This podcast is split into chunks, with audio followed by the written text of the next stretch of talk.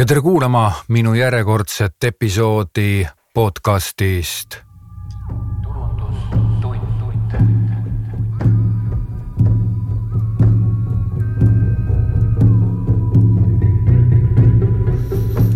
ja tegelikult nii nagu ka teie, head kuulajad, nii ka mina olen otsingul ja ma otsin oma podcast'ile õiget formaati, sest mind tegelikult kohati natukene tüütas ära see, et ma teen siukse jutusaate, siis ma räägin kas ise või siis mul on nagu saatekülaline, ma räägin ainult temaga juttu, et on siukene mm, nagu vestlus, et ma tahaksin sellesse podcast'i panna mingisugust mitmekesisust, mingit mängulisust ja mingisugust põnevust. nii et see episood äh, tuleb natukene teistmoodi minu eelmistest episoodidest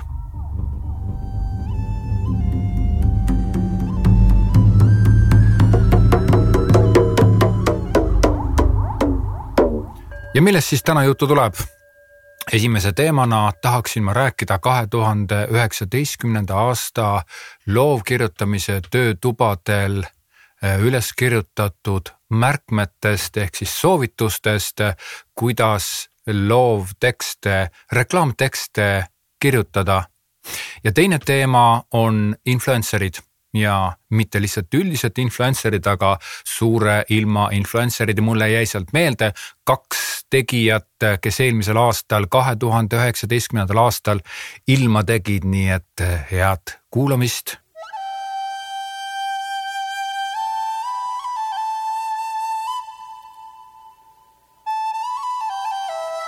Kõigepealt siis meie esimene teema ja loovkirjutamise märkused, mida ma olen tähele, täheldanud. kõigepealt ma peaksin siis seletama, et kuidas käib minu loovkirjutamise töötuba ehk loovkirjutamise koolitus, see käib niimoodi, et kõigepealt ma räägin natukene teoreetilist juttu, seejärel annan kätte ülesanded ja igaüks saab ise siis äh, koolitusel osalejad ise kirjutavad sellesse äh, teemasse siis enda loovtöö ja seejärel ma annan siis kõigile tagasisidet, et see on selline väga huvitav osa ja niimoodi tavaliselt ühe päeva jooksul ma jõuan läbi võtta neli teemat. ja just nendest äh, loovtöödest on mul tekkinud siis selline väikene märkuste kogum enda tähelepanekute kogum, ega ma siin kedagi nagu nimeliselt välja ei too, aga midagi sellist, millest kõik võiksid kasu saada, mis on kõigile huvitav kuulata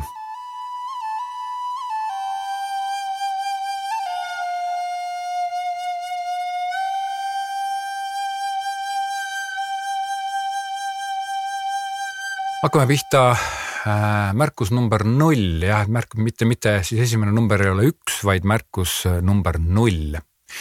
alguses on raske reklaamtekste kirjutada. nüüd need inimesed, kes varasemalt võib-olla ei ole kokku puutunud nii aktiivselt reklaamtekstide kirjutamisega, siis nendel on tõesti alguses väga raske hakata kirjutama minu ülesannete peale mingisuguseid reklaamtekste ja tegelikult ka neil, kes juba on omajagu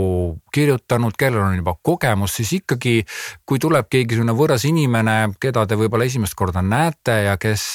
hakkab teile mingisugust nagu oma teooriat rääkima ja sinna tahab siis saada koheselt nagu loovtööd, siis eh, see on pisut keeruline. Aga mm, üleüldiselt, eh, kuna mul on kogemusi ka Tallinna Ülikoolis antud eh, loovkirjutamise loengust, siis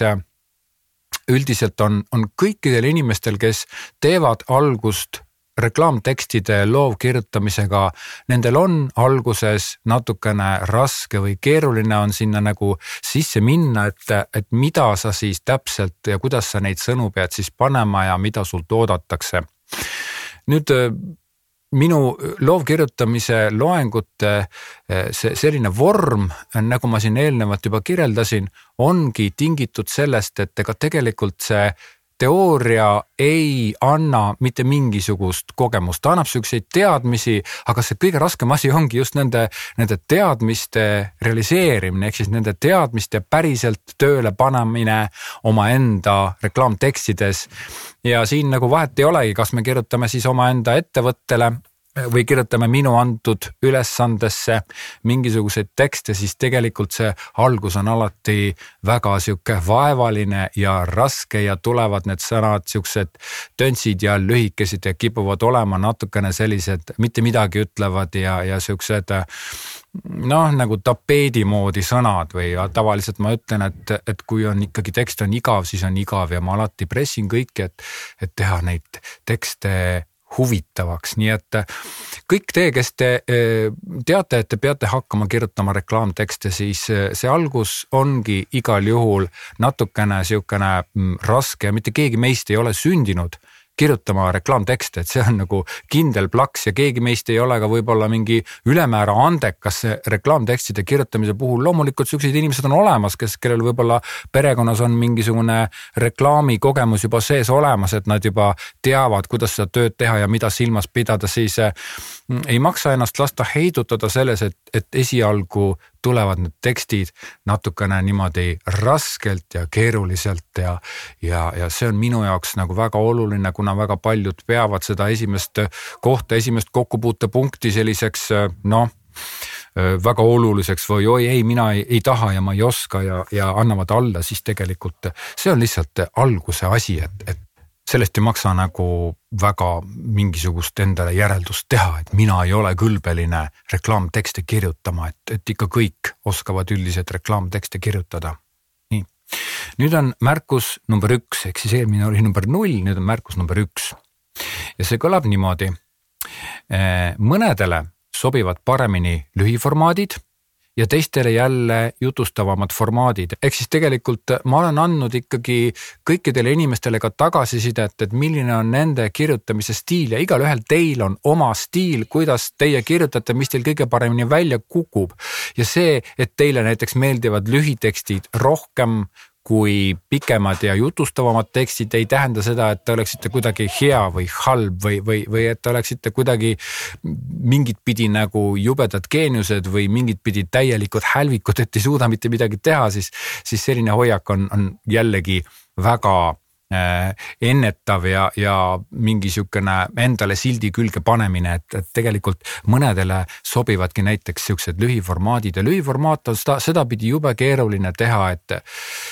et sa pead ikka niivõrd palju asju teadma ja eelnevalt juba läbi mm, filtreerima, endast läbi laskma väga suure hulga informatsiooni ja pikemad jutustavamad tekstid, neid on jälle sellepärast laske, raske kirjutada, et mõnel, mõnedel lihtsalt ei tule seda teksti nagu kuidagi välja, nad ei taha kirjutada pikki jutustavaid tekste ja, ja see on tõeline selline hädakoht, et ka sinna on olemas omad nõksud, kuidas seda mm, saab parandada, kuidas panna neid inimesi, kellel ei tule seda pikka teksti jutustavaid ja, ja kirjeldavaid ja olustiku kirjeldusi, et ka, ka seal on olemas omad sellised nüansid ja nõksud ja nendest ma kõigest nagu oma töötubades ka räägin, et see ei ole samamoodi midagi hullu, aga teie jaoks on kõige olulisem see, kes te näiteks tahate hakata kirjutama reklaamteksti või juba kirjutate, et te peate aru saama, mis teile mm, kõige paremini istub ja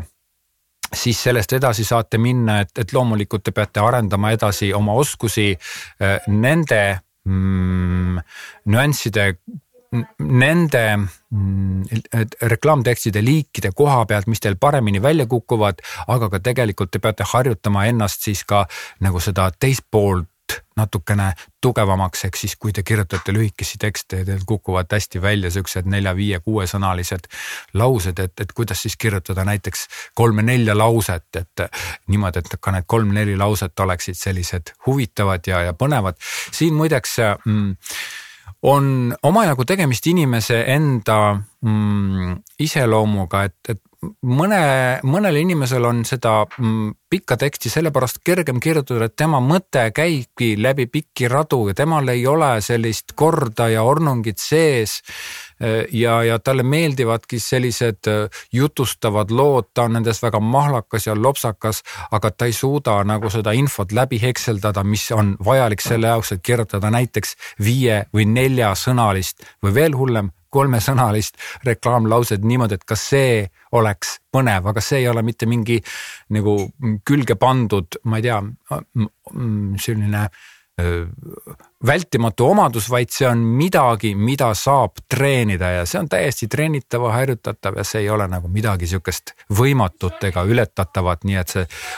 kõik inimesed, kes te siin kuulate, et, et mõtlete, et milline on teie selline mm, meetod, kuidas teile meeldib siis jällegi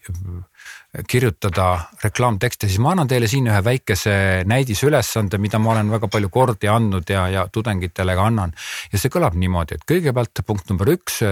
kujutage endale ette, milline on näiteks Tallinna Kaubamaja, kas ta on siis sihuke lihtne pood või on ta siis sihukene pide-, pigem elitaarne pood. kas ta on mõeldud rikastele ja uhketele ja, ja linnamelu inimestele või on ta mõeldud rohkem maainimestele ja lihtsatele inimestele? kas ta, kas see pood räägib nagu pigem glamuuri ja, ja sihukese mm, välja peetud stiiliga keeles või on tal pigem midagi lihtsat rahvapärast? number kaks, vastavalt nendele teie enda mm, kogemustele kirjutage sellesama Mm, kaubamaja kohta, Tallinna Kaubamaja kohta. kirjutage siis kolm reklaamireeglit need peavad olema siis sellised, mille järgi saaks reklaame teha, et seal ei tohi olla mitte kirjeldatud seda, millised on müüjad või milline peab pood olema, aga see peab olema just need reeglid, et, et milline peab reklaamitekst olema, näiteks et number üks, et vaata reklaamitekst peab olema sellises toonis. number kaks, et reklaamitekst peaks alati nagu ära mainima sellised, sellised, sellised kohad ja number kolm, et reklaamitekst ei tohi kunagi olla vaat selline või, või teistsugune või kolmandatsugune, nii. ja sellesama ülesande kolmas punkt on selline, et äh, kirjutage nüüd lause, reklaamlause ehk siis, ehk siis sloogan eh, Tallinna Kaubamaja järgmise kevade kollektsiooni, uue kollektsiooni reklaamiks. et nüüd siin, kui te seda ise mõtlete, siis nagu te aru saate, siis mina ei anna teile mitte midagi ette, et kõik, mis te siin kirja panete, on teie enda peas ja te peate selle lihtsalt välja kirjutama ja tegelikult kõik see informatsioon on teil olemas. ja teate, kui raske on nüüd sinna sellesse kolmandasse punkti jõuda, sinna reklaamlause kirjutamiseni, et see on tõesti raske ja see ei ole mitte lihtne teema. Ja, ja mõnedel tuleb see kirjeldus kahes esimeses punktis jube lihtsalt ja, ja seal reklaamlause ei tule ja mõnel on jälle, et ta ei suuda nagu kirjeldada kuidagi seda ära, seda äh, olustikku, mida ta peab kirjeldama kahes esimeses punktis ja, ja kolmas punkt jälle tuleb väga mahlakalt välja, nii et siin on selline väikene näidisülesanne teile endale proovimiseks, et te võite seda katsetada iseenda peal. nüüd on märkus number kaks, kõlab niimoodi. raske on kinni pidada brändist ja fookusest ja kõikidest reeglitest ja olla samal ajal vaimukas ja tähelepanuväärne. vot see on nüüd selline mm, tähele tähelepanek, mis on minu meelest ka väga paljudel sellistel äh, tänapäeval väga aktiivselt turund-, väga aktiivselt turundust tegevatel ettevõtetel väga sage,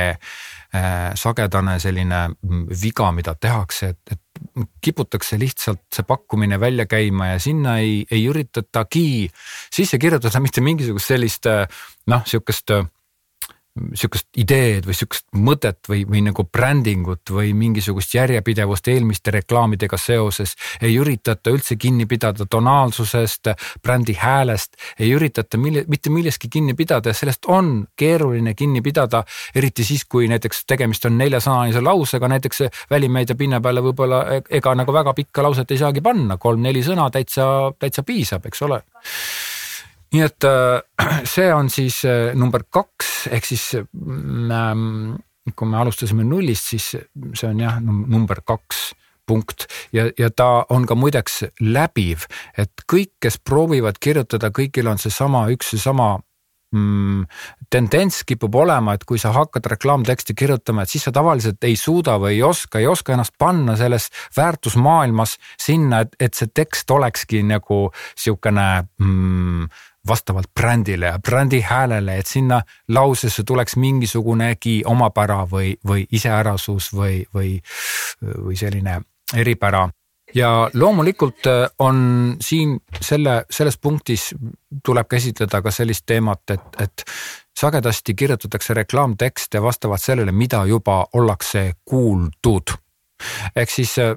see on nagu inimesel on, igal inimesel on peas, nagu ma ütlen, et see on ladu, eks ole, mingi ladu mingitest eelnevalt kogetud, nähtud reklaamidest ja tavaliselt inimesed, kui hakkavad reklaamtekste kirjutama, siis nad kirjutavadki vastavalt, võtavad sealt oma laost mingisugused nii-öelda katked ja panevad need kokku ja see ongi reklaamtekstide kirjutamine, et tegelikult sellest äh,, seda peab nagu teadlikult äh,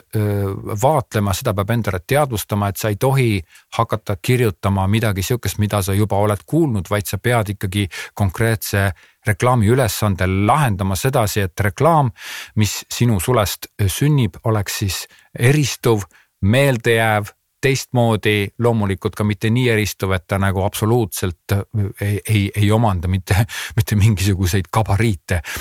aga ikkagi, et ta, et ta oleks teistmoodi, et mitte minna sinna klišeede ja tapeetide ohtlikku maailma, mis tundub nii turvaline ja nii hea,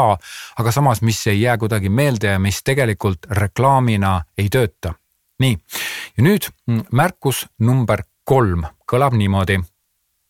variandid alati peab tegema palju variante nii lausetele kui ka ideedele. siin on selline algaja reklaamtekstide kirjutaja selline tüüpiline viga, kus siis keskendutakse ühele lausele, mille siis inimene kirjutas ja, ja see üks lause siis ja seda hakatakse siis kaitsma selle ümber nagu, seda hakatakse imetlema ja mõtlema. tegelikult reklaamitöö on alati selline, et kui sa kirjutad välja ühe idee või ühe reklaamlause, siis alati tuleb sinna kõrvale kirjutada mitu-mitu-mitu-mitu teist varianti ja vahel tuleb alles inimene nii-öelda avaneb siis, kui ta kirjutab läbi nagu mitu äh, mm, täiesti erinevat lähenemist ühele reklaami lähteülesandele ja, ja mm, ei tohi jääda imetlema ainult ühte enda esimest äh, sellist sünnitust, et mis, mis tundub siis niivõrd selline juriidiliselt korrektne ja, ja igatepidi õige ja, ja, ja, ja sedasi, sedasi sa jääd nagu iseenda mm, raamidesse vangi ja sa paned ennast nagu, eh, nagu pärsid endalt, jätad ära need võimalused, mis sul tegelikult sees on, oma loomingulise potentsiaali paned sa lukku nagu ühtesse, ühte lausesse, mille sa kõige esimesena kirjutasid, et siin olid siis neli punkti, mille ma oma loovkirjutamise töötubadest olen üles kirjutanud. loomulikult neid teemasid on veel ja veel, aga enne järgmise teema juurde minekut kuulame natukene muusikat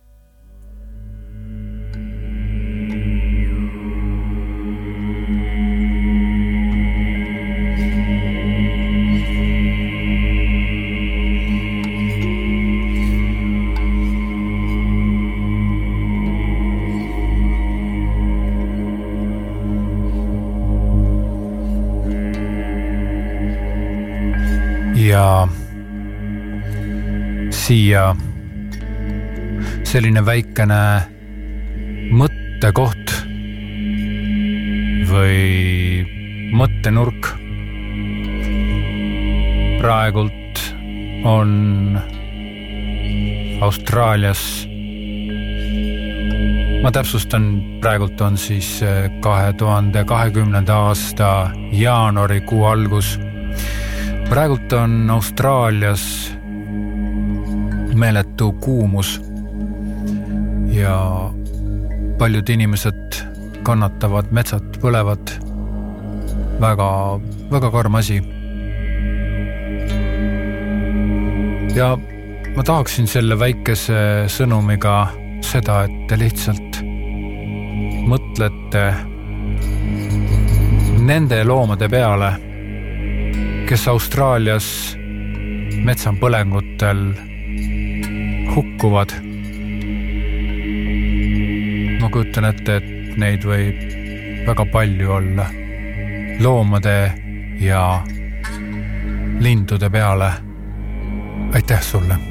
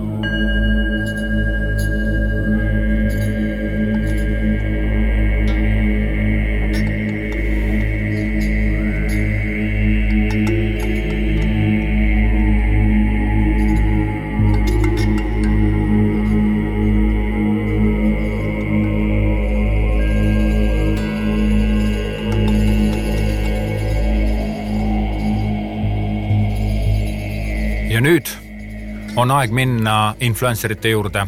ma räägin siin juttu Mairiga. Mairi on minu elukaaslane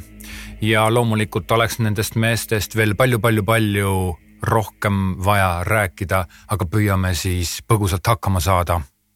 Mairi on siis, äh, töötab reklaamiagentuuris äh, projektijuhina juba üle kümne aasta, viisteist aastat ja, ja tegelikult on Mairiga selles mõttes huvitav rääkida, ma natuke teen reklaami Mairile, et Mairi mm, ühtepidi äh, nagu jälgib ja nii-öelda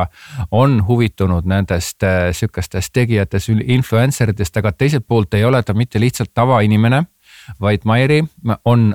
väga nii-öelda professionaalse turundusliku pilguga vaatab neid asju kõiki, kuna ta ka iga oma igapäevases töös jälgib ja tegeleb ja juhib ja suunab tugeva projektijuhina siis väga paljusid siukseid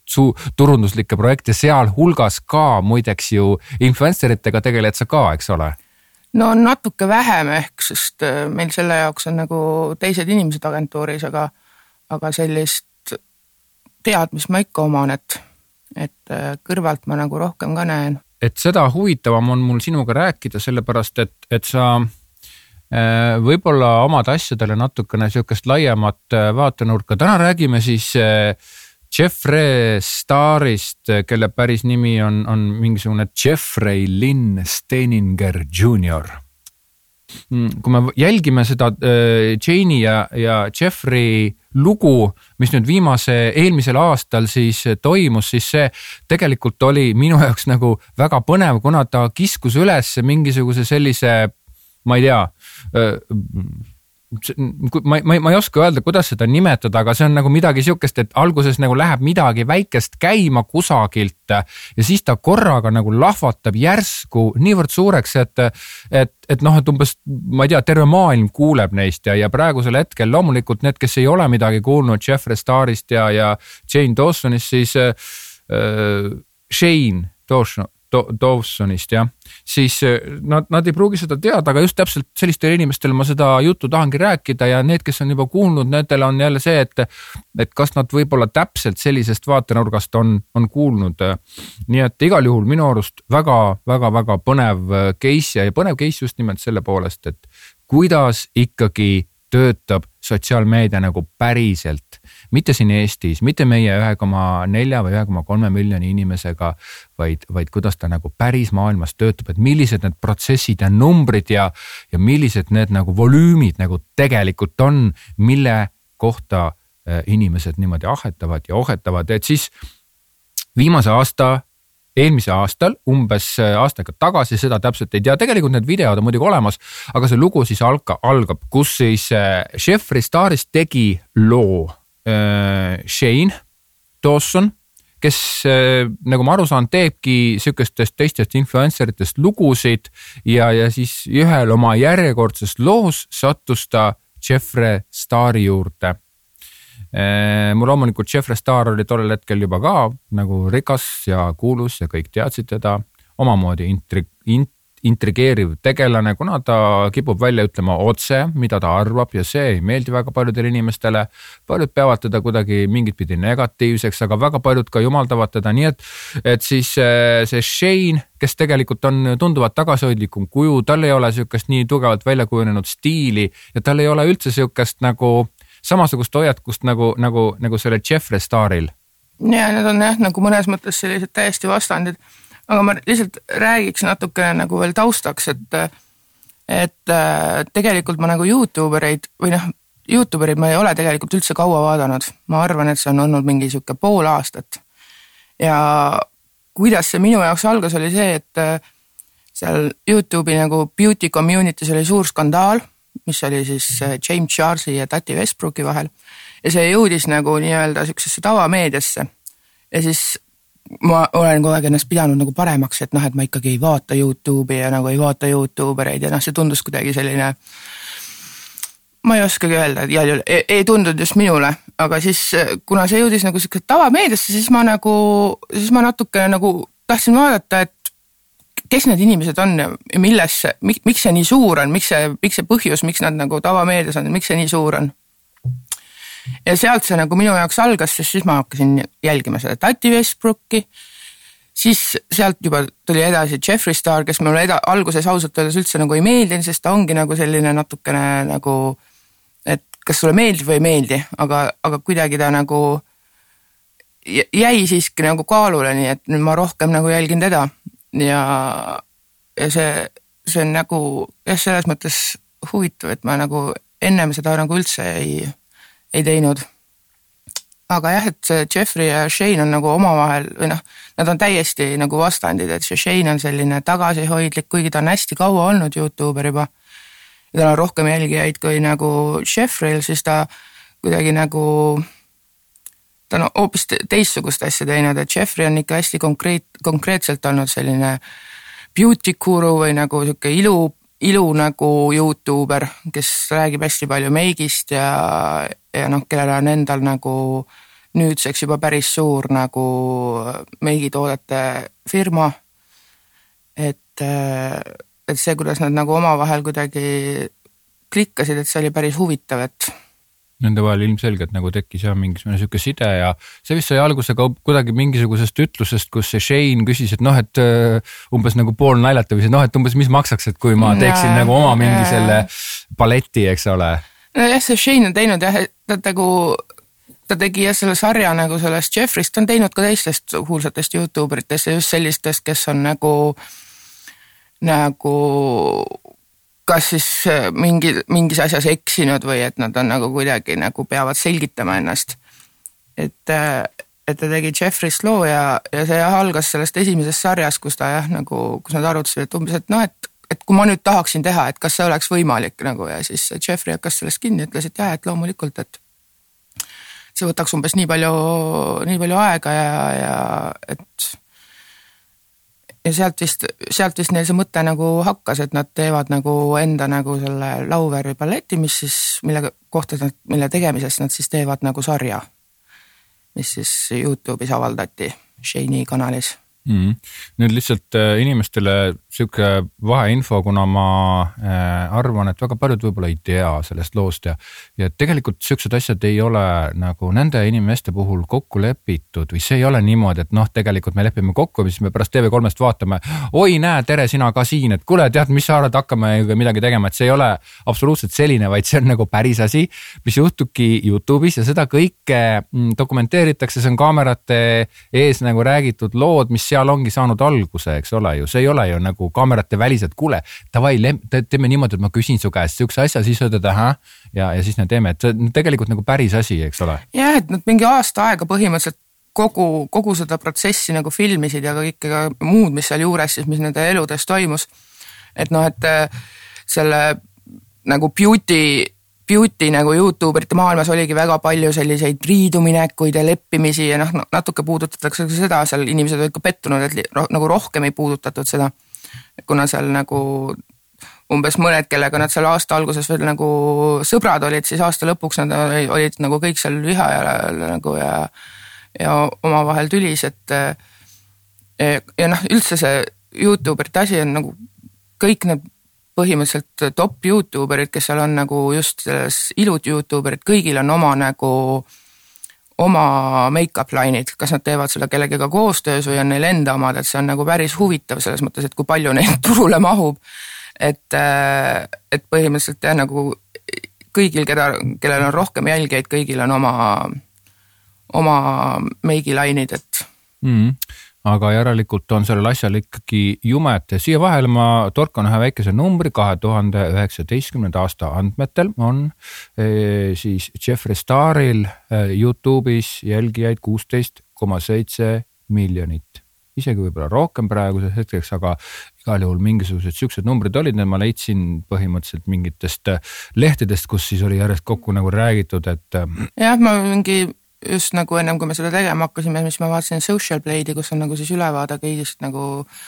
statistikast nagu kõigi, kõigi influencer ite statistikast ja siis tal vist nüüd on seitseteist miljonit, mis tähendab, et selle sarja jooksul ta tõusis ka mingi põhimõtteliselt miljoni võrra neid, et. tõusis päris kõvasti jah, ja näiteks Instagramis on siis eh, Jeffree Staril on eh, viisteist koma üks miljonit, võib-olla, võib-olla praeguseks nagu rohkem, aga suurusjärk on viisteist miljonit mis tegelikult ei tee teda üldse nagu väga suure jälgijaskonnaga nagu influencer'iks, sest minu teada ta Youtube'is ei, ei mahu isegi top viiesaja sisse. et kui vaadata top viissada nagu seda nimekirja, mis Youtube'is on, siis üllatus, üllatus, seal on väga palju näiteks lastekanaleid, on ju, mingeid mänguasjakanaleid ja noh, mängurite muidugi nagu, kes mängivad arvutimänge, et et tegelikult need äh, beauty nagu Youtube erid sinna top viiesaja sisse isegi nagu ei mahu. no tegelikult siis Jeffree Stari kohta on selline mm, asi, et Forbesi andmetel on tema umbes viiendal kohal Youtube eritest ja siin ei peeta silmas mitte klikke, vaatamisi ega mingisuguseid muid internetipõhiseid numbreid, vaid see on nagu selle põhjal, et ma ei tea, kes kui kuulus on või seal on midagi muud mm ja seal lo loetakse muuhulgas ka teenistust, et kes kui palju teeb ja minu arust seal number üks kohal ongi üldse mingi laps, kes avab ja, oma neid mänguasju on ju. ma ei mäleta, mis ta nimi oli, aga no see on nagu. et see on nagu kriisi. näha. see perekond, eks jah, ole. et, et on näha, on ju, kes on nagu peamised Youtube'i vaatajad on ju, et äh, nagu me siin isegi ju oma lapse pealt näeme, siis mm -hmm. ma arvan, et ta panustab nii mõnegi nende varandusse, sest ja. nad ju teenivad selle pealt peamiselt, kui palju nende videosid vaadatakse, isegi mitte selle pealt, kui palju neil jälgijaid on. aga lihtsalt, et, et kui sa alguses kirjeldasid seda, et kuidas mm, Jeffree Star üldse sinuni jõudis, siis ma pean ütlema, et tegelikult Jeffree Star on oma seda äh, fänni hulka nii-öelda väga edukalt ära realiseerinud ja see tähendab seda, et kui sul on ühes kanalis väga suur jälgitavus, siis sa tahes-tahtmata ka tema miljonite juures, kus ta on, tegelikult on ärimees, eks ole. ja ta on oma, täiesti ärimees. ärimees, aga isegi sealt ta peab vajalikuks, tal on näiteks ka viis koma kaheksa miljonit Twitteri jälgijat, niimoodi, et kui sul on juba olemas see äh, selline nii-öelda kuulsus ühes platvormis, siis kõik, kes räägivad seda äh, äh, nii-öelda mitte influencer lust, aga seda, et üldse, kuidas tegutseda sotsiaalmeedias, siis kõik ütlevad seda, et sa pead oma seda asja nagu jagama, sellepärast et ühe kanali võib näiteks Youtube Jeffree Staril väga kergesti lihtsalt kinni panna, klõps pannakse kinni. ja ei, seda küll, et kui vaadata neid nagu nii-öelda maailma influencer eid või sotsiaalmeedia staare, siis neil enamustel on ikkagi nagu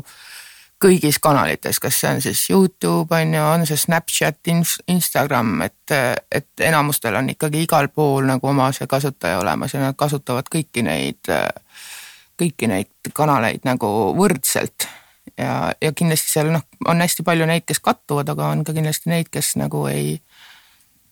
nii palju ei kattu. et minu meelest hea näide, ma ei ole nüüd sada protsenti kindel, ma korra vaatan. aga noh, näiteks Kylie Jenner, eks ole, kes on üks kõige nagu kuulsamaid influencer eid, vist kõige rohkem tasustatud Instagramis on ju ja kes kuulub Kardashianite klanni.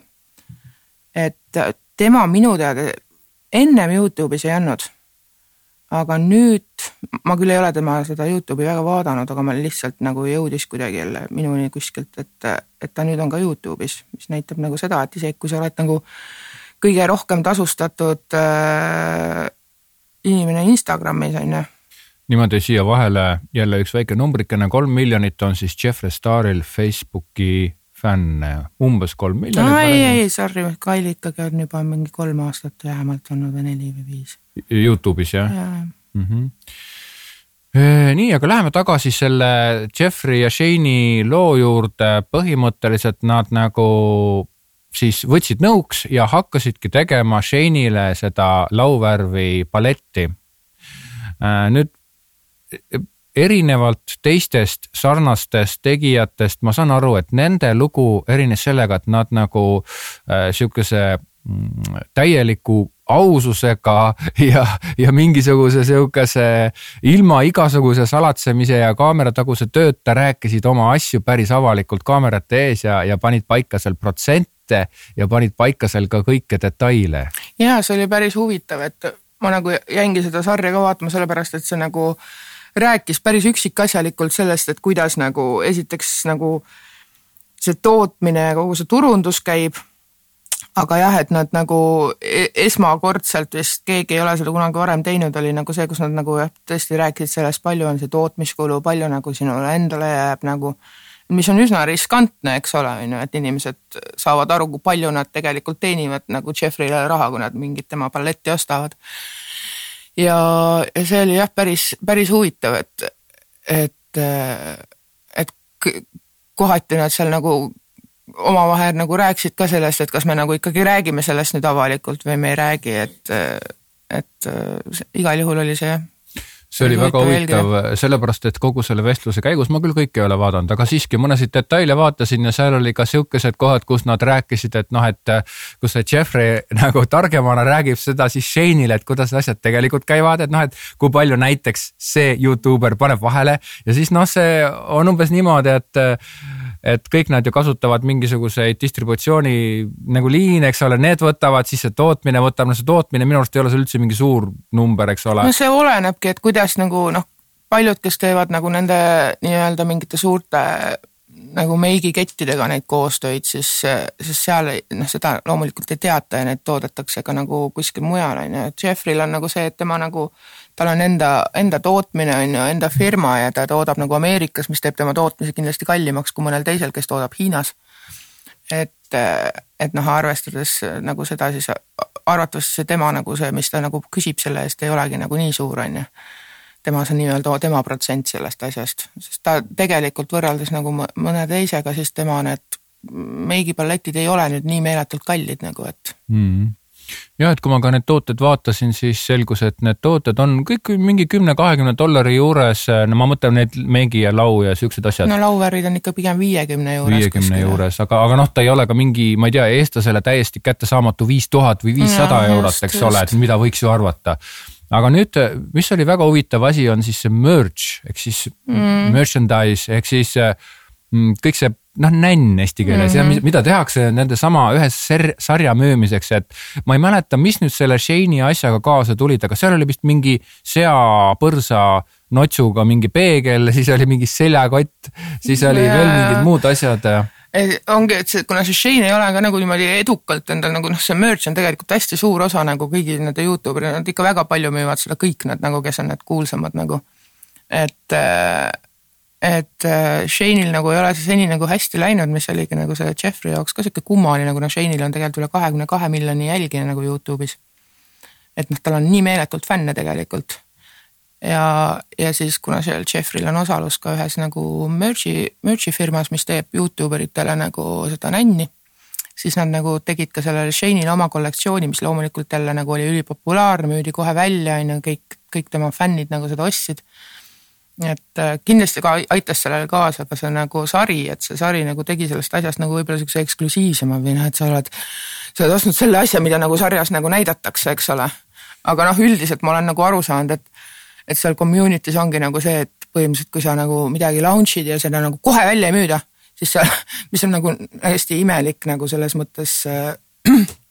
hästi imelik nagu lähenemine on ju, et, et kui sa midagi launch'id ja seda kohe välja ei müüda, et siis see on nagu läbikukkumine on ju aga, aga noh, see põhimõtteliselt nagu kogu tema see merch ka nagu müüdi kohe välja. aga seal, mis minule silma torkas äh, väga tugevasti, on see, et tegelikult kõik need tooted müüvad ikkagi loopõhiselt, ehk siis inimesed jälgivad äh, äh, Youtube'is, Instagramis, Twitteris, kus tahes nende nii-öelda influencer ite lugusid. Ja, ja nad ostavad, isegi ma lugesin sealt mingisuguseid päris siukseid finantsväljaandeid, kes ka sedasama case'i, Jeffrey ja Shane'i case'i arutasid ja nemad isegi ütlesid niimoodi, et osad, osad äh, fännid ostsid selle Shane'i asju, kuna see Shane oli niivõrd sümpaatne tegelane, osteti lihtsalt selle jaoks, et osta ja kuna see tõesti mingid asjad maksid seal mingi paarikümne daala ümber, siis noh, see, see summa ei ole absoluutselt üldse suur. Äh, aga jällegi ma lugesin ka, tähendab terve suur äh, nagu parv või kuidas ma ütlen siis klaster on neid artikleid, neid videosid, neid sisu, ma ei tea, pilte, särke, värke, kõike, kus räägitakse sellest kuidas inimesed on suhtunud, kuidas on nagu, mida nad on arvanud, mida nad on mõtelnud, kas nad said need äh, Shane'i ja Jeffrey tooted kätte, ei saanud kätte, mis juhtus, kuidas juhtus, kuidas nad tahavad, niimoodi, et mul üldine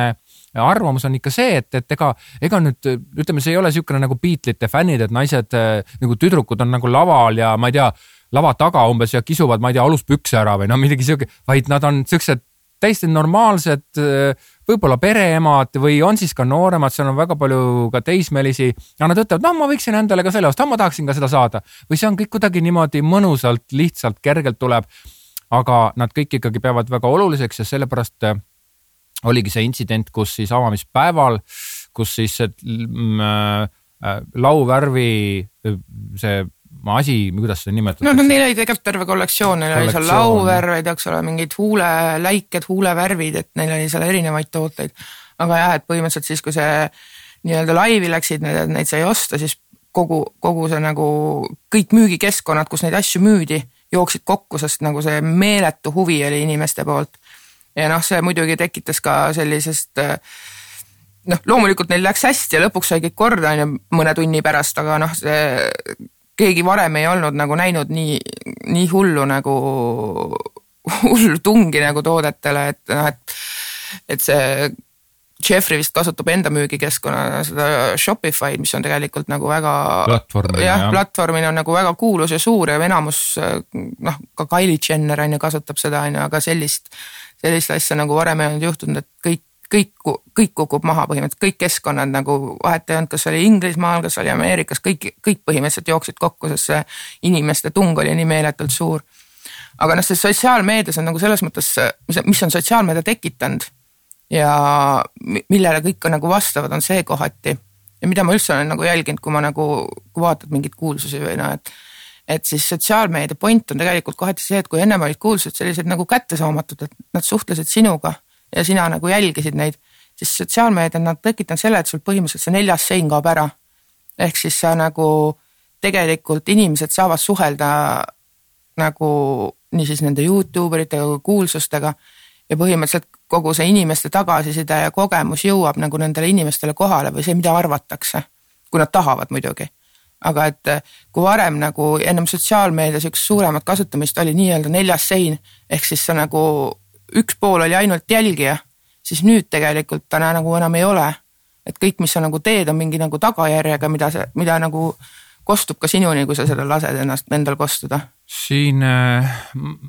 kas sa mäletad peast neid numbreid, eh, mida see Shane, kes tegelikult alguses isegi võib-olla ei uskunud, et tema see, mm, tema see komplekt läheb müüki ja et ta üldse keegi tahab seda, et, et põhimõtteliselt see osteti mingisuguse tunni ajaga ära.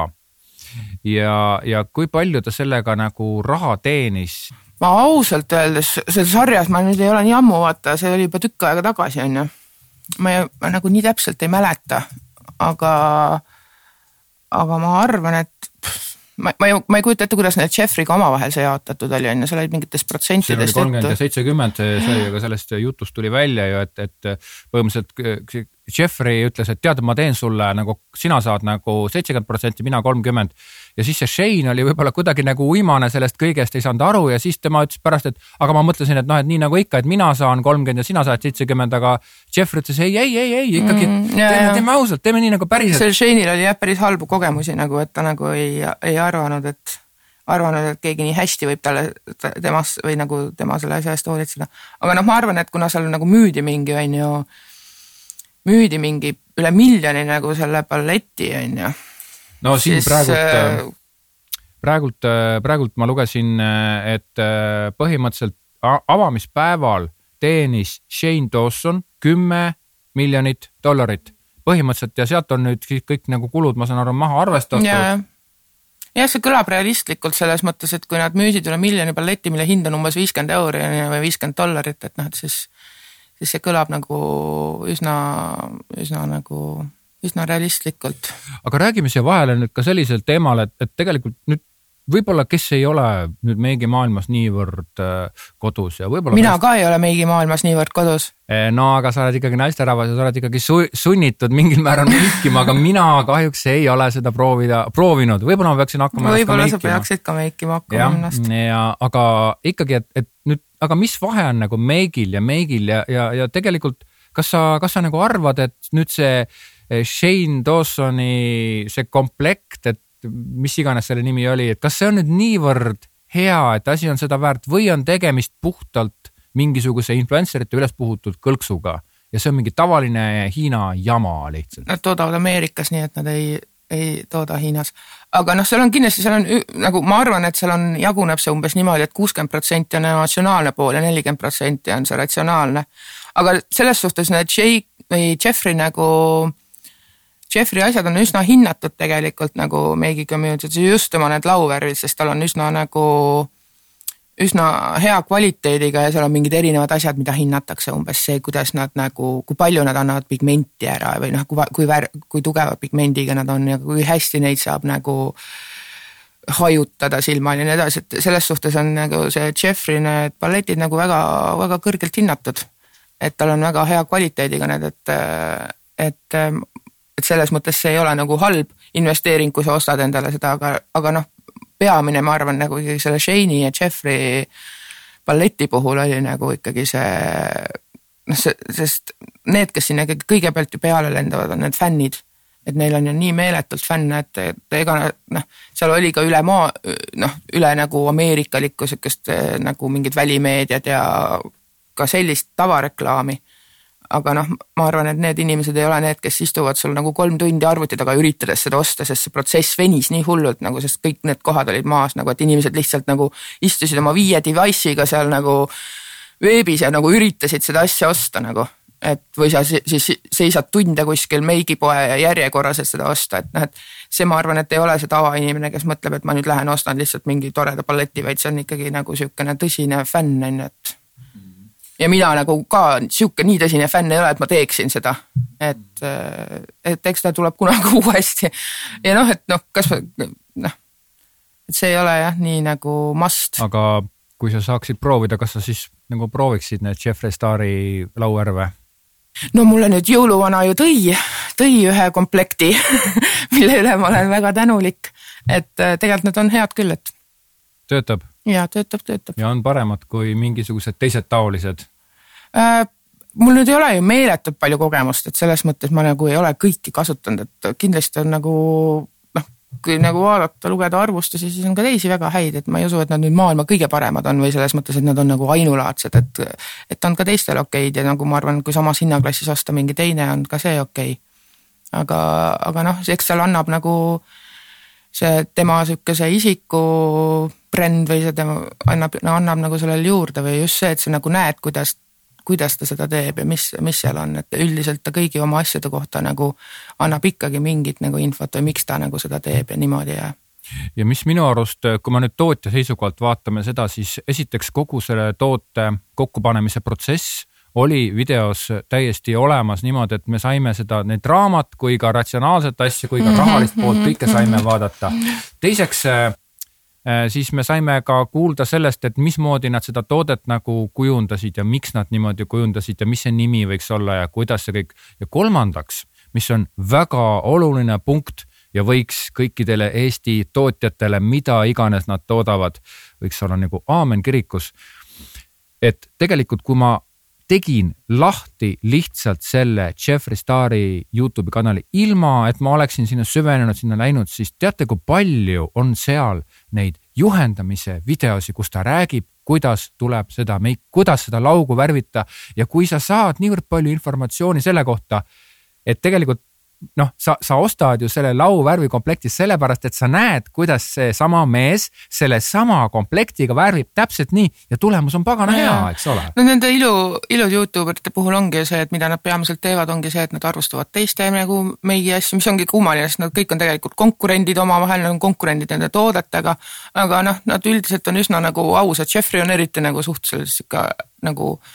aus oma arvustustes, et ta nagu katsetab, on ju, kõigi omasid, neile saadetakse meeletutes kogustes, meeletutes kogustes seda meiki nagu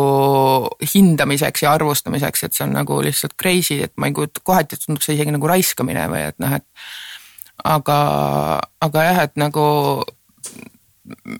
minul algas ka see sellest, et ma lihtsalt vaatasin nagu, kuna see on selline hea nagu, nagu stressi maandamise allikas, et sa vaatad, kuidas keegi teeb meiki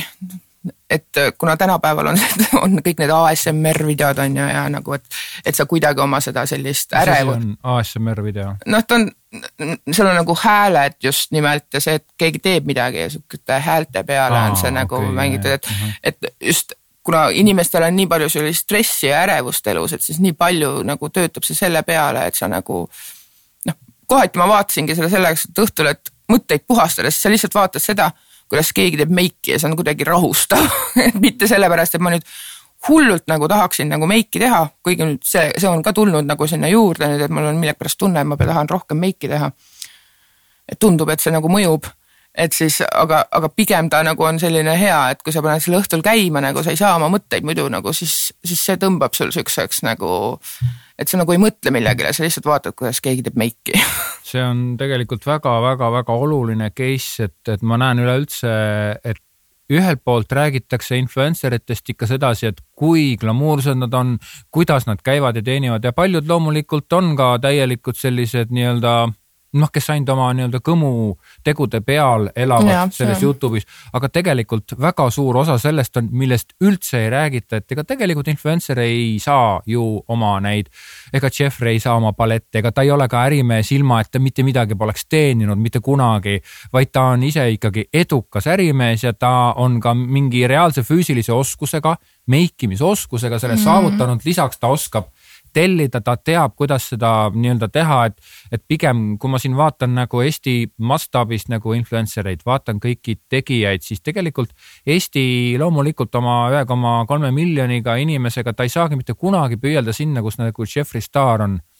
Aga et jällegi väga palju on siuksest, siukest nagu vale arvamust või vale hinnangut või, või et tegelikult influencer on ka mm, nagu suures ilmas väga tugevalt see, kes saab äriliselt hakkama ja üheks tunnuseks on see, et külmamüüki tehakse väga vähe. mis tähendab külmmüük? külmmüük ongi see, et, et eh, näed, ma olen influencer, ma olen väga ilus. Eh, ma panin need bikiinid selga ja nüüd vaadake nagu see mm, ma ei tea, kärbsepeletaja, et ostke see ära, eks ole, et see on, ma peletan sellega kärbsed, et mingi täiesti lambi toode ja siis on see influencer'ile antakse kätte ja see influencer räägib sellest, et see, see kõik minule tundub niisugune veider ja imelik, aga Jeffrey ja Sean'i puhul on nagu ilmselgelt väga konkreetselt välja tuleb see lugu, ehk siis see soe müük, mitte külmmüük, vaid soe müük, kuidas nad hakkasid tegema, kuidas nad teevad, kuidas need lauvärvid värvivad, kusjuures ju reaalsed juhendid on juures. noh, aga ega see nagu on ka seda nii-öelda, kui sa ütled külmmüük, et on ka seda, et noh, et Instagramis on seda ju eriti palju nagu, et maailmastaarid on või nagu su, need suured inst-, Instagrammerid ikkagi teevad samat moodi nagu selliseid reklaamipostitusi ja neile lihtsalt makstakse selle eest, et nad nagu mingit asja nagu, nagu näitavad ja ütlevad, et nagu umbes ta-ta-ta. et noh, nüüd kui mujal maailmas see oli juba ammu reguleeritud ja nad pidid ütlema, et see on reklaam, siis nüüd ma saan aru, et ka Eestis tahetakse ja, nagu seda kontrollima hakata, mis on nagu mõistlik, ma arvan, sellepärast et nagu on ikkagi suur vahe, et kui nagu influencer teeb selle raha eest ja ta ütleb seda, et ma teen selle raha eest, kui see, et, et sa nagu, et sa nagu arvad, et paljasporgand kasutabki mingit äh, toodet ja, ja noh, Eesti mõistes neil ikkagi on fännid, neil on nagu ju üsna suured nagu jälgijaskonnad, kui sa võtad selle protsentuaalselt, siis ma arvan, et see nagu on umbes sama, kui sa võtad mõne USA Instagrammeri on ju, et noh, et neil on ikkagi Eesti kohta üks koma kolm miljonit ja nagu ma ei tea, mis neil on, et sihuke üksteist, kaks, kümme kuni kakskümmend tuhat jälgijat, et siis see tegelikult protsentuaalselt on ju sama palju umbes. ja Eesti mastaapides on näiteks Boost Yourself, äh, äh, need, ma ei mäleta, mis selle mehe nimi oli, igal juhul ma olen temaga rääkinud ja ma olen teda näinud esinemas ja ma olen teda näinud kusagil sotsiaalmeediakanalites, et tema tõesti on sihuke, kes teeb oma seda toodet, sest ta hakkas seda, tal oli seda endal vaja. ta hakkas seda tegema, ta hakkas seda kasutama ja tõesti ka sellepärast tema muidugi turundab seda ka kogu maailmas, et see on nagu üks sihuke näide. aga endiselt väga palju tehakse näiteks riiklikke konkursse, kus öeldakse, et ju influencer'i kasutamine on vajalik ja siis võetakse see influencer, kes ei tea asjast mõhkugi, tehakse talle pakkumine pakkumine, ta on sellega nõus ja nii-öelda sedasi tekibki nagu influencer ites sihuke mulje, et, et noh, et tegelikult nad no lihtsalt müüvad oma seda face'i ja oma sotsiaalmeediakanalisse toote paigutamist, et aga tegelikult see ei pea sugugi mitte niimoodi olema, vaid see on lihtsalt kogu selle influencerluse üks pisikene detail, mis ka töötab. ega ma ei tea, võib-olla, võib-olla, sest et mitte ükski tootja, kes tellib influencer'i reklaami ju ometigi, ta ei ütle, et kui palju, kui hästi see siis töötas. küll aga, kui me vaatame praegult Shane'i ja Jeffrey asja, kui te, kui sina näiteks hea episoodi kuulaja praegult näiteks lähed ja, ja guugeldad, siis sa leiad need numbrid koheselt ülesse, sa leiad kogu selle loo koheselt üles, okei okay,, see on nii suur, see on ju kaablikuvõrk aga, aga see kõik on olemas, see kõik on näha, seda on tehtud südamega, seda on tehtud nagu päriselt, see on nagu päris asi, see ei ole mingi sihuke äh, õudselt hea limonaad on see limonaad, ma joon seda ikka, joo sina ka. et noh, see, see ei ole mitte midagi sellist. no ma arvan, et see jõuab sinna, sest ma olen kuskilt, ma ei tea, ma ei saa öelda, mis influencer see oli ja mis tootja see oli, aga ma just nagu kuskilt kuulsin ka nagu Eesti turul nagu seda, kuidas üks influencer pöördus nende poole, et me võiksime teha ühe toote koos et kus läheks minu nimi peale ka, et noh, et tegelikult seal sa saad juba seda nagu mõõta, eks ole, kui palju see nagu müüb ja kui, kui hästi see nimi nagu seal peal müüb. et, et aga noh, et ma arvan, et see vaikselt nagu areneb ka sinnapoole, et noh, et ikkagi nagu osadel influencer itel ikkagi on oma suund, mida nad nagu ajavad, on ju, et kas, kes on nagu mingi sihuke tervise, pigem tervise toitumise blogija ja, ja või Instagrammer või kes on mingi reisiasi, et noh, et et ma arvan, et see natukene aega anda, arvestades seda aga jah, selles mõttes Eestit on nii raske, kuna enamus Instagrammerid ikkagi on nagu väga palju nagu teevad nagu eesti keeles seda ja on suhteliselt ikkagi puhtalt Eesti turul on nagu suunatud, et siis on üsna, üsna raske seda nagu võrrelda, aga jah, et see liigub küll sinnapoole, et kui juba nagu Instagrammerid ise on niimoodi või nagu influencer'id on ise juba niimoodi, et nad pöörduvad tootja poole, et mul on sihuke tooteidee, et võiks teha ja et minu nimi läheks peale, noh siis, äh, siis nagu, siis see on juba ju nagu täpselt seesama, mis nagu. nii, sada miljonit arvatakse, et Jeffree Star aastal kaks tuhat kaheksateist teenis oma toodete müügiga raha äh,. aitäh sulle, Mairi, selle jutuajamise eest ja äh, ka teie, head tootjad, kes te seda kuulate, siis kindlasti püüdke tegutseda niimoodi, et räägite oma tootest rohkem, kui et teete sellele reklaami.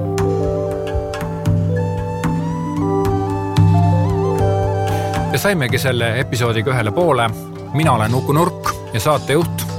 ja kogu helikujundus, sealhulgas ka taustamuusika ja helimaterjali töötlus on siis minu poolt tehtud. sina, hea kuulaja, palun anna mulle tagasisidet, kas sulle selline episoodi ülesehitus meeldis, kas seda oli huvitav kuulata ja kui midagi jäi häirima või tundus valesti, siis kindlasti anna mulle ka selle kohta märku. turundusteni podcasti saab kuulata uhu.ee kodulehelt, Apple'i ja Google'i podcast, podcastidest ja Spotify'st ja kui tahate luua oma ettevõttele podcasti, siis kindlasti kirjutage mulle ja, ja räägime sellest. kohtumiseni õige pea järgmistes episoodides